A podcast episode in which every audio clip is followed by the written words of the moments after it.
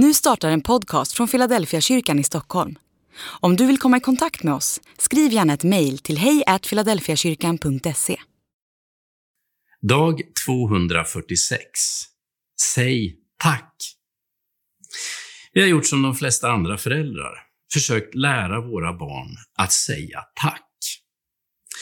När de var små hände det att vi nästan tvingade dem att säga tack till någon släkting som gett dem en julklapp de inte ville ha.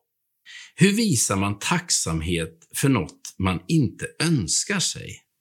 Det är inte enkelt att lära ut.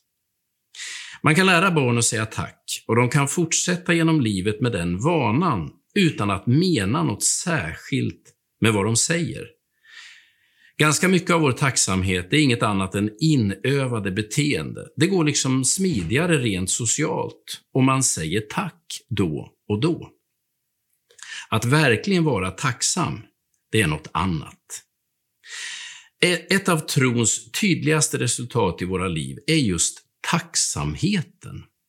När jag på allvar börjar tro att det finns en Gud som har skapat himmel och jord och som gett mig livet och allt jag har, då kommer så småningom tacksamheten inifrån. Inte bara som ett inövat beteende, utan som en inre livshållning. När jag inser att jag är frälst från min synd, från döden och allt ont enbart på grund av Guds goda vilja, inte för att jag har jobbat ihop till det, då kommer tacksamheten så sakteliga inifrån och ut. När jag får ta emot Gud själv som inneboende i mitt hjärta genom den helige Ande, inte för att mitt hjärta är en lämplig bostad, utan enbart för att Gud är god, då är tacksamhet det enda alternativet. Därför är ett av de bästa sätten att börja be varje bön till Gud med att säga tack.